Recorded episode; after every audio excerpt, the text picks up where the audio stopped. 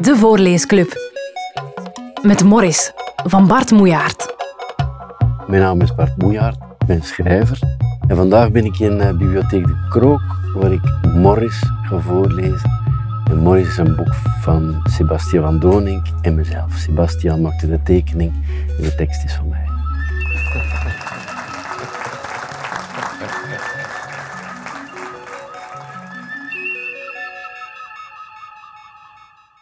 Ga voor het raam staan.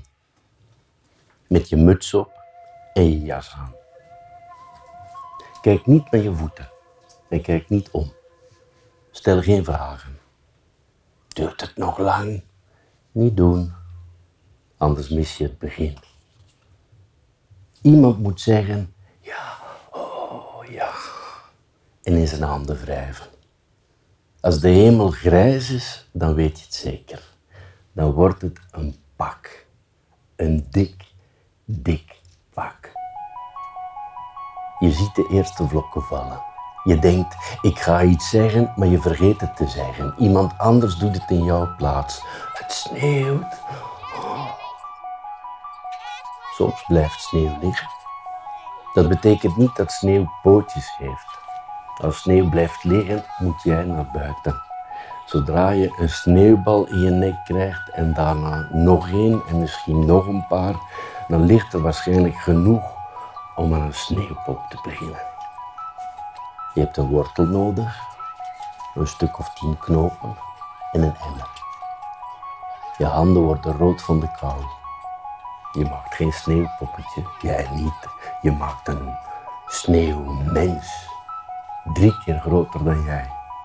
Dat is hard werken. Maar als het een popper dan staat. Je moet niet zeuren trouwens. Daar zijn je moeder en je vader al. Hier zijn je wanten, lieveling. Straks bakken we pannenkoeken, wafels, poffertjes, omgekeerde appeltaart. We maken warme chocolademelk met kaneel en slagroom. Maar nu gaan we je eerst een knuffel geven. Kom eens hier, kom eens hier. Heb jij geluk? Heel veel geluk. Bijna net zoveel geluk als Morris. Morris was op weg naar huis. In zijn armen gromde een hond, een niet heel grote. Het was de hond van zijn oma, maar ook een beetje die van hem, omdat hij bij zijn oma woonde. Voor een tijdje maar. Het was het beste zo, dat zei zijn oma. Er waren verdrietige dingen gebeurd. De hond was wit met zwarte vlekken. Ze jankte en spartelde. Stil liggen wilde ze niet. Dat wilde ze nooit. Lopen wilde ze. Het liefst van alles weg. De berg op. Dat deed ze wanneer ze maar de kans kreeg. Een hok was om te lachen. Geen ketting hielp. Hoeveel sloten er ook op zaten. Ze sprong over hekken. Ze wrong zich ergens tussen of in en onder. Het beest had al een naam, anders vielen er nog wel een paar te bedenken. Mormel, monster, lastpak, rotkop. Maar de hond had al een naam. De oma van Maurice had er een bedacht die paste. Het beest heette Houdini. Er heeft een man bestaan die zo heette.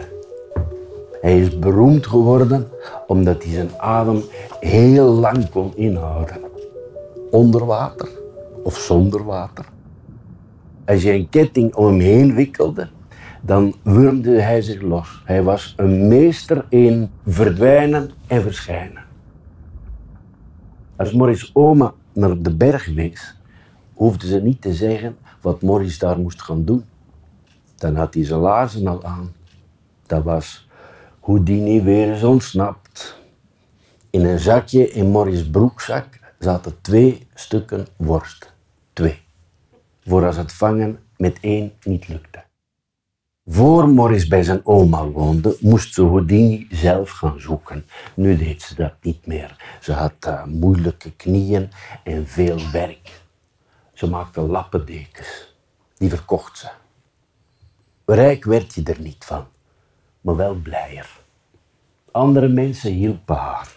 Een buurvrouw, een buurman, een kennis uit een dorp verderop. Iedereen bracht stukken stof mee. Daar knipten ze vierkante lapjes van. Al die lappen werden na een tijdje samen iets moois. De laatste tijd kwam er ook een man over de vloer die Randy Peck heette. Hij zat graag vlak bij de naaimachine. Ik ben heel goed in helpen kijken, zei hij dan. Daar moest hij zelf erg om lachen. Verder deed hij geen klap. Je moest hem zien zitten. Randy Peck. Hij gaf Morris oma voortdurend complimentjes. In huis hield hij zijn hoed op. Hij zag eruit alsof hij van plan was maar kort te blijven, maar hij bleef meestal lang. Meestal tot na het middageten of tot na een paar boterhammen. Zal ik met je meegaan? zei hij soms tegen Morris. Het klonk als helpen meegaan. Oma en de buurvrouw of de buurman of de kennis uit het dorp verderop, ze zagen alleen zijn glimlach. Wat een aardige man, dachten ze dan. Maar Morris merkte iets anders op. Dat meneer Peck hem nooit aankeek, bijvoorbeeld. Na al die tijd kende Morris de beste weg bergop en de beste weg bergaf. Aan deze kant was de berg niet heel vriendelijk.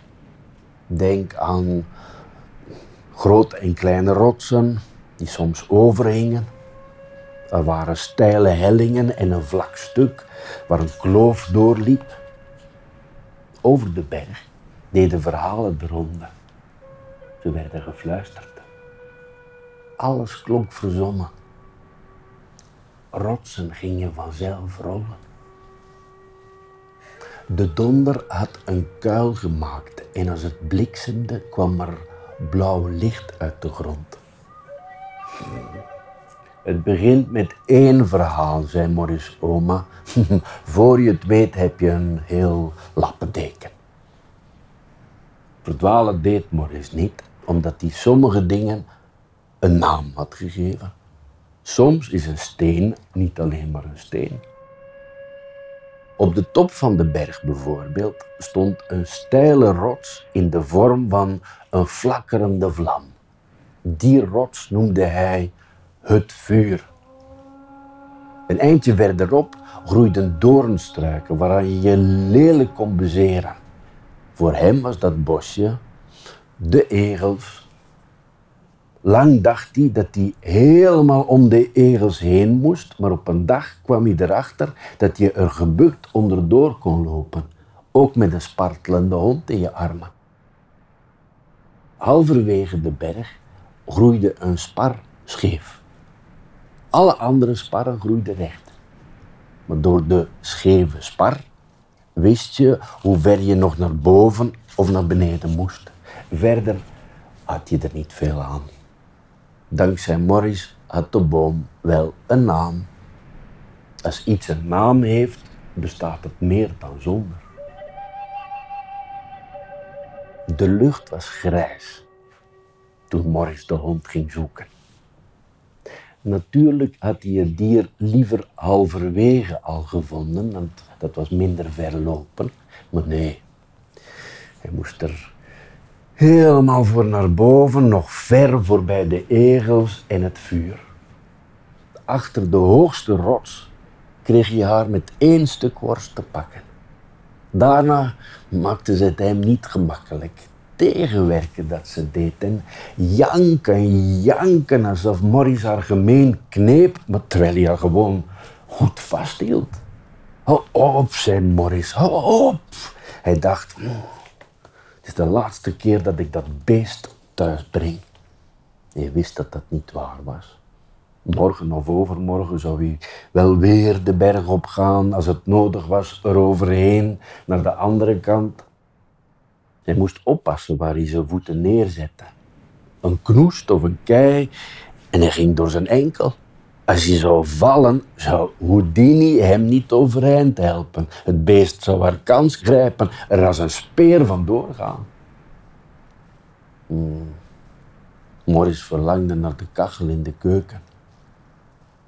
Door de verdrietige dingen die gebeurd waren, had hij het sneller koud dan vroeger. Op de grijze hemel lette hij niet. Hij stelde zich voor dat zijn oma een pan soep op tafel zette en in haar handen wreef. Misschien zei ze iets tegen meneer Peck of tegen de mensen die wel echt hielpen. Misschien keken ze allemaal naar het, naar het grijs achter het raam en zeiden ze: Oh, het gaat sneeuwen. Op de top van een berg vallen de eerste vlokken eerder dan beneden in het dal. Maar deze keer kon je, daarboven niet zeggen dat het begon te sneeuwen. Je kon niet zeggen dat de eerste vlokken vielen. En eigenlijk ook niet dat er vlokken vielen. Toen Morris om het vuur heen liep en met Houdini in zijn armen het dal inkeek, viel de sneeuw uit de lucht alsof er in de wolken een luik was opengegaan. Van het ene op het andere moment stond de jongen er tot over zijn enkels in. Na het pak bleef het sneeuwen. In de lucht was er geen plaats voor lucht, zo dik waren de vlokken. Morris raakte in de war van de weerwar. Hij boog voorover om Houdini te beschermen, maar dat had hij even goed kunnen laten. Houdini wilde zelf lopen. Dat liet ze jankend horen. Ze kronkelde en gromde en sloeg met haar kop. Auw, dacht Morris. Zijn armen waren moe, zijn spieren lam. Als het mormel zich eens koest zou houden. Net toen ze dat een paar seconden deed, zich koest houden. En hij al bijna zei, brave hond, zag Houdini haar kans. Met een zwaai van haar onderlijf rukte ze zich los. Ze sprong en viel tegelijk. Hier, riep Morris nog. Even keek de hond naar hem op. Daarna leek het alsof ze door de sneeuw werd opgeslokt. Morris draaide om zijn as, linksom, rechtsom. Hij hoopte dat hij ergens zwarte vlekken zou zien lopen, maar wat hij hoopte gebeurde niet. Houdini was verdwenen. Morris dacht wat hij dikwijls dacht. Dat alles altijd verandert. Juist als je dat niet wilt. Natuurlijk veranderde alles toen ook weer. Het hield op met sneeuwen. Daar stond hij in de kou, zonder hond. De wereld zag spierwit. De hemel, de berg, de bergen eromheen. Op de egels lag een dik pak sneeuw. Er kon een Eskimo onder wonen. Het vuur zag eruit als een koude witte vinger die pas op, pas op, pas op deed. Op het eerste gezicht leek het dorp in het dal weggegumd. Alleen als je heel goed keek, kon je hier en daar een schoorsteen zien roken.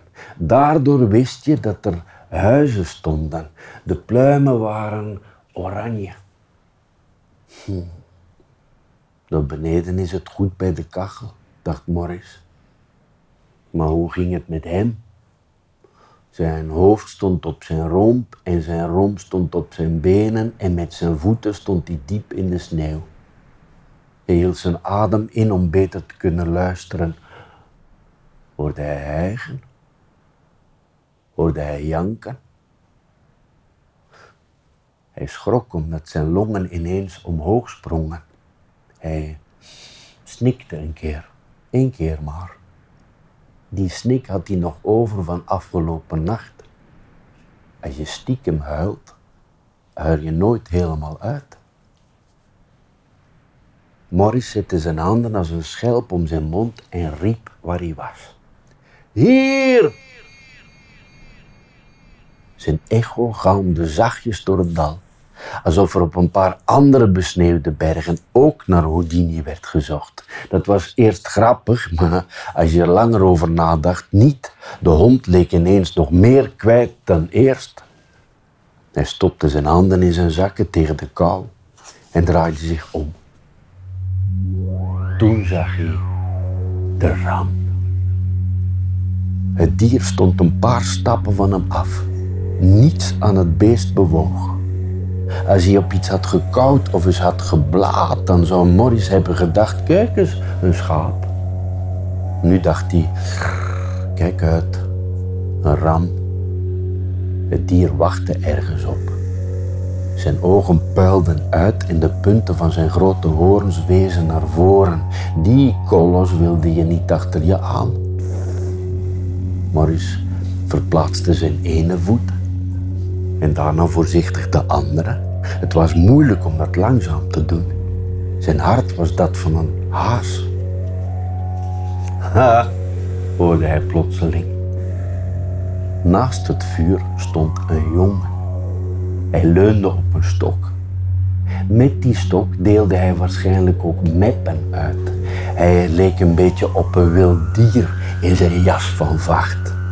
Ben je bang voor een schaap? Zei de jongen. Ik niet, zei Morris. Dat lieg je, zei de jongen. Hij zette een paar stappen naar voren. De stok had hij nodig, want hij mankte. Morris hield zijn mond. Als je zwijgt, verdwijn je een beetje. De jongen had een luide stem. Hij legde een hand op de kop van de ram en zei: Wie zoek je? Je mammy? Morris' oma had nooit gezegd dat je op de berg voorzichtig moest zijn. Ze had ook nooit met zoveel woorden gezegd dat er geen gevaren waren. Ineens bedacht Morris dat misschien niet alles wat de mensen over de berg vertelden verzonnen was. Misschien bestonden er rotsen die vanzelf gingen rollen. Er was een vrouw verdwenen en ze was weken later levend teruggevonden. Maar ondertussen had ze een lange baard gekregen. Iemand was een blauw licht gevolgd en in een kloof gevallen. Een ander was een paar minuten blind geweest. En er was meneer Peck die altijd aan dezelfde flauwe grap begon als het over de berg ging. Krikrak, zei hij dan. En met een onzichtbare roestige sleutel draaide hij zijn mond op slot alsof een kistje was met geheimen erin. Over een reusachtige ram en een jongen die een beetje op een wild dier leek, had Morris nog nooit horen vertellen. Ik zoek mijn hond, zegt Morris. Het leek alsof de jongen hem niet had gehoord. Misschien had hij geen zin in luisteren. Recht toe, recht aan vroeg hij of Morris iets te eten had. De jongen noemde eten vreten. Morris sloeg op de lege zakken van zijn jas en schudde zijn hoofd. Hij dacht aan het stuk worst dat hij nog in zijn broekzak had. Maar dat gaf hij niet af. Ik waarschuw je, zei de jongen. Het was raar dat hij zo'n toon aansloeg. Als ik op mijn vingers fluit, zei de jongen, ben jij er geweest? Heb je nog nooit van ons gehoord? Dat weet ik niet, zei Morris. De jongen klakte met zijn tong. Hij keek over zijn schouder alsof er een paar mensen achter hem stonden. Wij zijn een bende. Ajax en ik en mijn vader. Er zijn maar heel weinig mensen die kunnen navertellen dat ze ooit eens per ongeluk op ons zijn gebotst. Hij zocht naar een woord dat hij als een uitroepteken kon gebruiken. Uiteindelijk zei hij: Jongetje, dat stak Morris. Je moest hem geen jongetje noemen of kereltje. Je moest niet met je vlakke hand op zijn bol tikken en ocharm zeggen. Oma had dat al lang begrepen. Maanden geleden pakte ze in een hoek van haar slaapkamer zijn koffer uit. Ze gaven zijn spullen een plek. Plotseling zette ze haar, zette ze haar bril af. Er kwam iets belangrijks.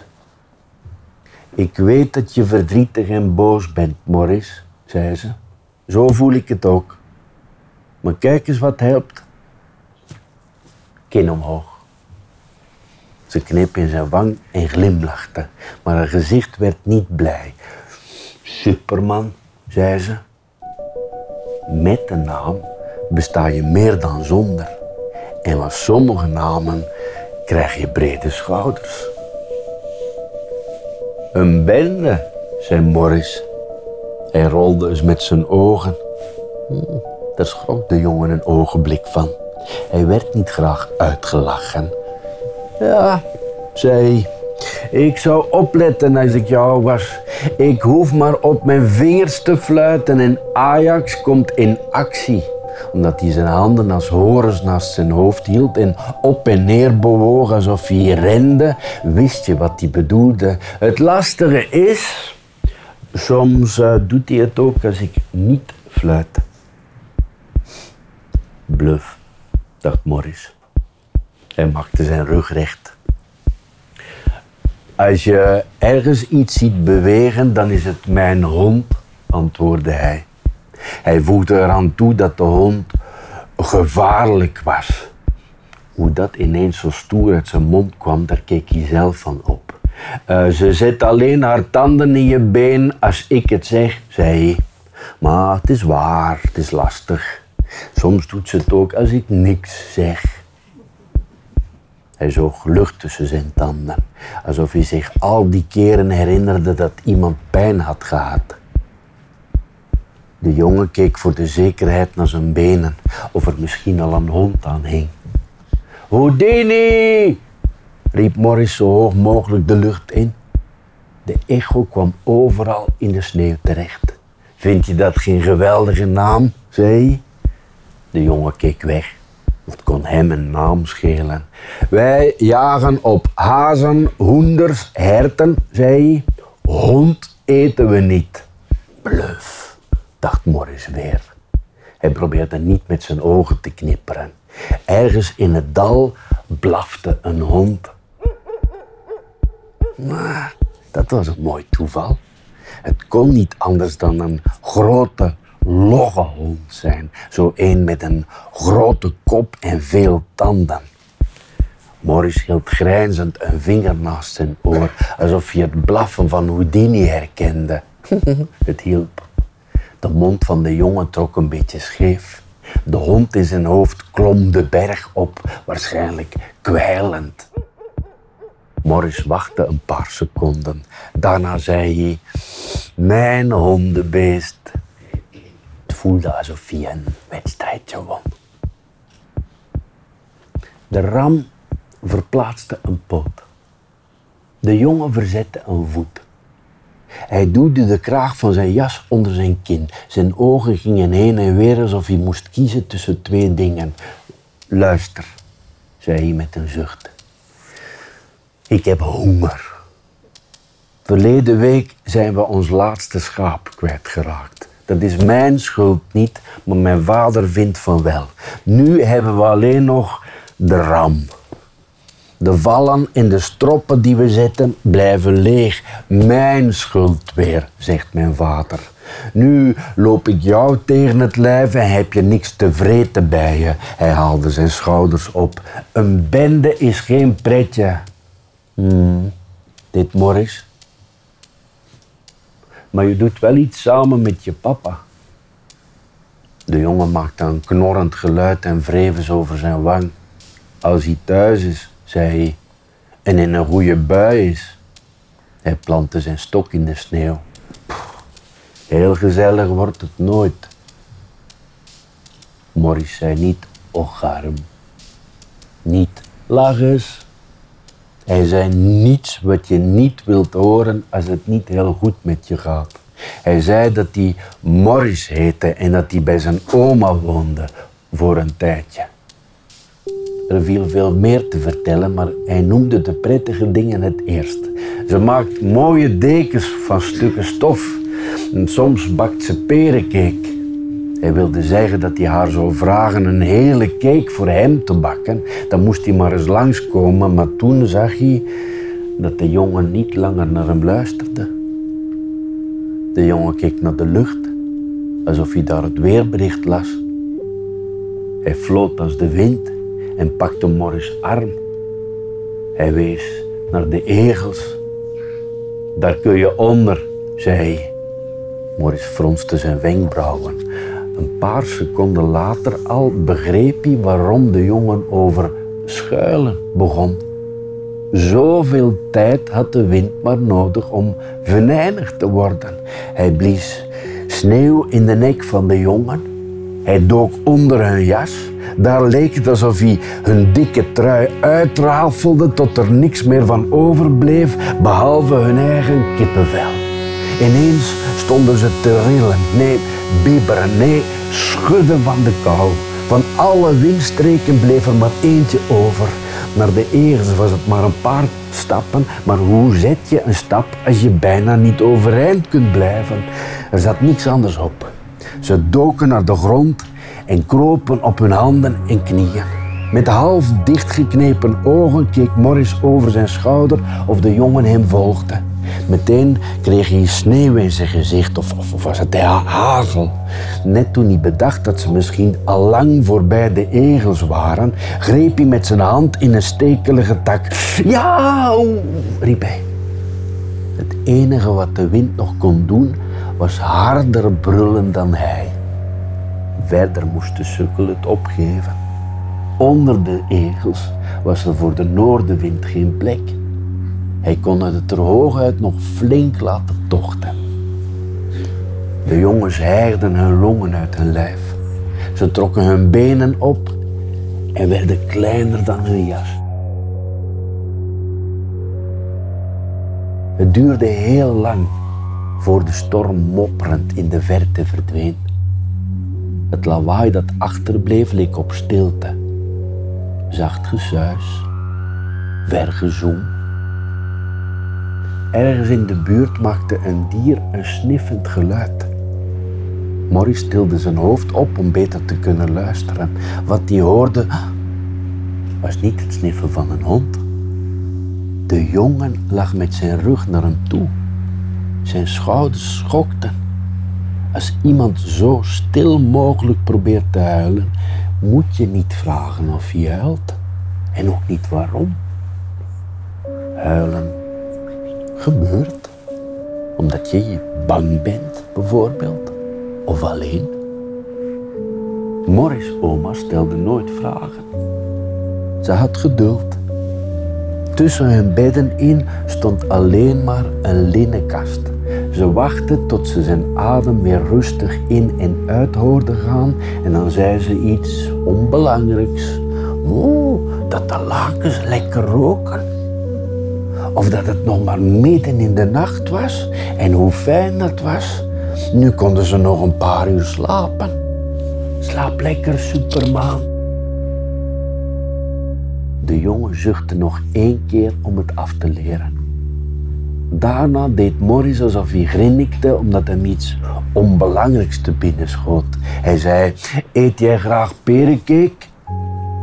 De adem van de jongen stokte. Dat weet ik niet. Zijn stem kwam ongeveer uit de grond onder hem. Ik heb nog nooit perencake gegeten. Morris zei dat hij aan zijn oma zou vragen of ze er een wilde bakken. Hij lachte breed omdat de jongen overeind krabbelde. Hij hoorde zijn antwoord al. Dat is een goed plan. Maar wat er kwam was iets helemaal anders. De jongen siste. Hij zei: Stik in je perencake. Hij gooide zijn stok door een gat in de egels naar buiten en kroop erachteraan. Een pand van zijn jas bleef in de doornen hangen. Met een veel te harde ruk trok hij zich los. Er viel sneeuw op zijn rug. Voor hij wegstampte draaide hij zich om. Ik heb geen tijd voor die flauwekul, zei hij. Ajax wacht. Hij tilde zijn hand op en mette er tegen tegen zijn eigen wang. Daarna verdween hij uit het zicht. Morris keek naar de lege plek waar de jongen daarnet nog zat. Hij wist niet wat hij moest denken. Waarom gaf je jezelf een map? Hij keek om naar het gat aan de andere kant van de egels. Daar beneden lag het dal. Het leek er later dan hier. Oh, er werden lichtjes aangestoken. Waarschijnlijk waren dat kaarsen en, en haardvuren en lampen boven keukentafels. Het was fijn om dat te denken, maar de stem van de jongen bleef in zijn hoofd rondzingen. Hij hoorde de map een paar keer opnieuw. Alle lichtjes gingen ervan uit. De schrik sloeg Morris om het hart toen hij aan Houdini dacht. Alleen in de bergen, in de sneeuw, in de bijtende kou. Een schaap draagt drie wollen jassen over elkaar. Een ram als ja, Ajax waarschijnlijk wel vier. Schapen vinden vrieskou niet erg. Zij hebben geen last van een storm, meer of minder. Hun poten zijn de rotsen gewend. Ze zijn meer springers dan klimmers. Zo taai is een hond niet. Morris kroop meteen onder de egels uit. Nu pas merkte hij dat het zachtjes sneeuwde. Hij gooide een snelle blik over zijn schouder of de jongen echt niet meer in de buurt was. Even dacht hij dat hij hem achter een rot zag wegduiken, maar dat zag hij alleen omdat hij dat graag wilde. Maar wat flauw dat hij zo, was, zo snel was weggegaan. Waarom, waarom deden mensen dat altijd? Hij klopte de sneeuw van zijn broek en riep zo hard als hij kon: Houdini! Hij schrok van zijn stem, alsof hij van onder een deken had geroepen. Met zijn armen een eindje van zich af om zijn evenwicht te bewaren, zette Morris een paar stappen. De sneeuw lag op de ene plek dun en een stap verder dik. Dan zakte zijn voet diep weg. Hij dacht, zelfs als ik de hond nu vind, dan, dan komen we heel laat thuis. Als het niet morgenochtend wordt. Of nee, als we ooit thuiskomen. Een paar tellen probeerde hij met zijn ogen dicht aan niets te denken. Met je ogen dicht zie je soms juist veel te veel. Alle verhalen die hij over de berg had gehoord, zag hij gebeuren. Stenen gingen vanzelf rollen. Ergens flitste een blauw licht. Hij dacht dat hij blind was. Er doken ook een paar verdrietige dingen van verleden zomer op. Een, een schemerlamp viel, een vaas ging aan scherven, een deur knalde dicht. Toen Morris zijn ogen weer opendeed, duwde hij alle lucht uit zijn longen en sloeg zijn hand voor zijn mond. Beneden in het dal zag je vlammetjes. Vier, vijf fakkels klommen de berg op. Nu was het vuur bijna weg en dan weer fel. Het flakkerde geel en rood. Van de gloed werd Morris warm van binnen. Het duurde een tijd voor het tot hem doordrong wat de fakkels betekenden. Dat er hulp onderweg was. Er kwamen mensen naar boven om Houdini te zoeken. Of misschien om, om hem te zoeken. Ja, oh ja, fluisterde hij. Zwaaiend met zijn armen sprong hij van een rots af. Hij riep de naam van Houdini een paar keer na elkaar. Daarna riep hij in de richting van de fakkels: Hier, ik, ik ben hier, hier! En hij ging achter zijn stem aan naar beneden. Zijn voeten twijfelden niet. Hij zette ze stevig neer in de sneeuw. Hij geloofde dat Houdini ieder moment kon opduiken. Als hij eens uitgleed en zichzelf net op tijd overeind hield, moest hij lachen. Toen hij voorbij de scheve spar liep, maakte hij een diepe buiging. Door het gewicht van de sneeuw op de takken leek de boom nog schever dan gewoonlijk. Meneertje halverwege, zei hij, kom ik jou vandaag weer tegen. hij maakte er een liedje van. Maar hij kwam maar een paar noten ver. Omdat een man hem de weg versperde. Daar stond meneer Peck in zijn lange zwarte jas. Natuurlijk met zijn hoed op. Om zijn nek zat een dikke sjaal. Hij was niet omver te krijgen. Met zijn handen op zijn rug keek hij op Morris neer. Hij keek Morris aan. Dat was nog nooit gebeurd. Ben je niet blij om mij te zien? zei hij. Met zijn kin wees hij in de richting van het dal. Hij zei dat de rest eraan kwam, maar dat ze zo verschrikkelijk traag waren. Van het woord traag maakte hij kauwgum. Morris haalde zijn neus op. Hij boorde zijn handen diep in zijn zakken en antwoordde niet.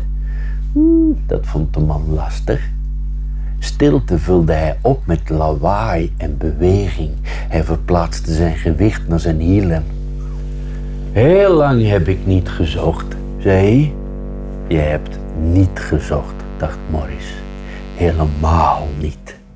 Ik kwam vanzelf. Ik liep bijna in je armen. Randy Peck maakte een klakkend geluidje met zijn tong en schudde zijn hoofd. Hij deed alsof hij over zijn woorden moest nadenken. Hij zei: Je, je moet beter voor de hond van je oma zorgen, jongetje. Morris zweeg.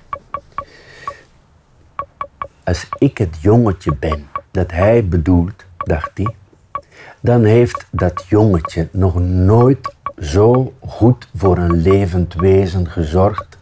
Dat jongetje is elke dag weer de berg opgegaan voor zijn oma, omdat zij gek is op haar hond en omdat hij van zijn oma houdt die gek is op haar hond. Meneer Peck keek geamuseerd.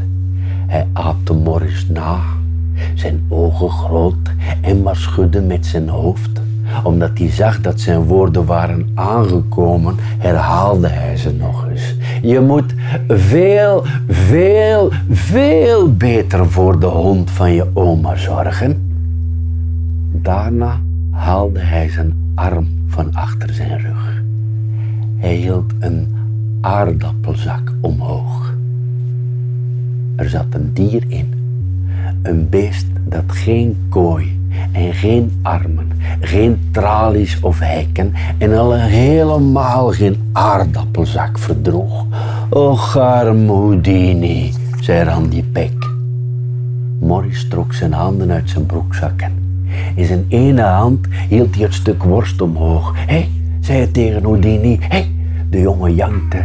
Nee, huilde. Randy Peck grinnikte. Hij deed Morris met een hoog en flauw stemmetje na. Hé, Hé? Het was jammer dat hij er niet aan dacht dat Houdini genoemd was naar een man die echt heeft bestaan. Een man die een meester was in ontsnappen. Hé, hé, riep meneer Peck nog eens. Maar nu met zijn eigen stem. Zijn mond zakte open. Het was ook wonderlijk wat hij zag. Door een gaatje van niks stak ineens een hondenpoot. Houdini wurmde daarna haar snuit naar buiten en toen haar hele kop. Kermend viel ze in de sneeuw met haar bil op een rots. Het beest had nog maar net de grond geraakt of ze stormde al op Morris af. Houdini wist geen blijf met al die blijdschap in haar lijf. Ze wilde opgepakt worden. Of nee, nee, nee, toch maar niet. Toen Morris op zijn knieën ging zitten, sprong ze in zijn armen en het volgende moment sprong ze er weer uit. Ze kronkelde tegen de jongen aan, mepte hem met haar staart. Waar was je? zei Morris, terwijl hij haar het stuk worst toestopte. Waar was je? Waar was je? Ze glinsterde van het ijs. Aan haar poten en onder haar kop hing een klompje sneeuw. Het mocht niet te lief worden voor haar. Ze wrong alweer een beetje tegen, maar dat was schijn. Het dier was doodmoe. Ze zocht vanzelf een plek voor haar lijf en haar kop onder Morris' jas.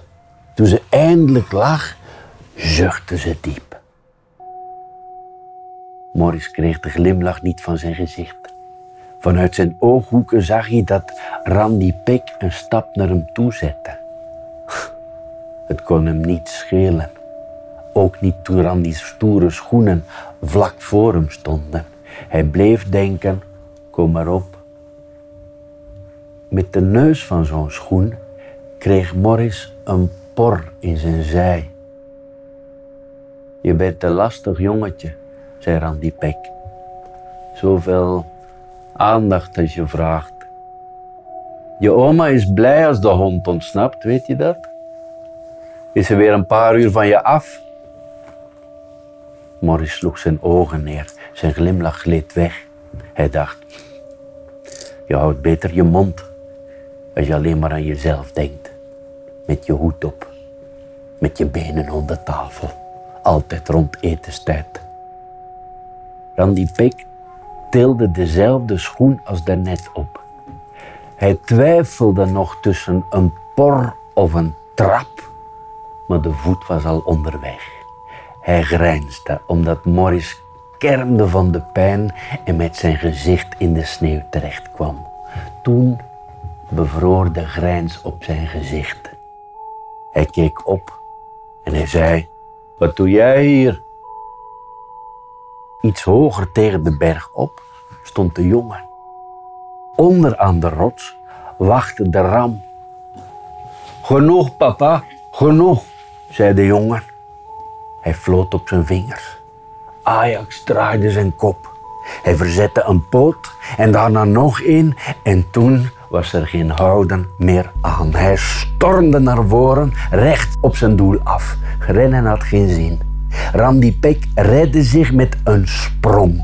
De scheve spar stond in de weg. Met een zingend geluid schoot een touw los. Hoe een val precies werkt, kon Morris later pas uitleggen. Het enige wat hij zag was dat de boom ineens kaarsrecht stond en dat meneer Peck scheldend ondersteboven hing. Toen de deur van oma's huis openging, was het binnen licht en warm en vol. Er werd gejuicht. De buurvrouwen en buurmannen en de kennissen uit andere dorpen planten hun fakkels buiten in de sneeuw, want ze wilden in hun handen klappen. Zingend liepen de mensen die Morris oma graag hielpen de keuken in. Ze vonden dat ze op een stoel moest gaan staan en een toespraak moest houden. Oma wilde de stoel wel, maar om op te zitten. De stoeltoespraak was kort. Ze zei dat ze blij was dat iedereen weer thuis was. Ze keek naar Morris, ze keek naar Houdini. Met haar handen op haar hart zei ze dat ze verder geen woorden had. Ze boog naar de lappendeken die netjes gevouwen op de keukentafel lag. Alsof het zo afgesproken was, hielpen een paar mensen haar. Samen plooiden ze de deken open. Het ging in één beweging. Er werd een bloemenwei uitgegooid. Zo zag het eruit. Kruip er zo meteen met de hond maar onder, Morris, zei oma.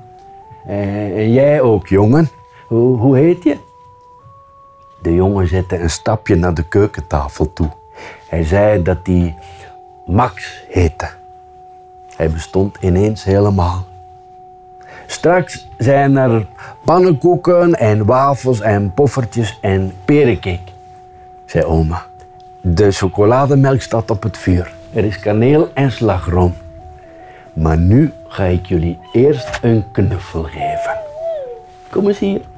Kom eens hier.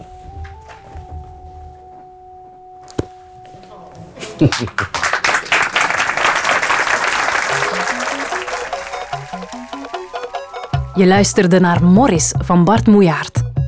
Zin in nog een verhaal? Je vindt er nog veel in deze podcastreeks.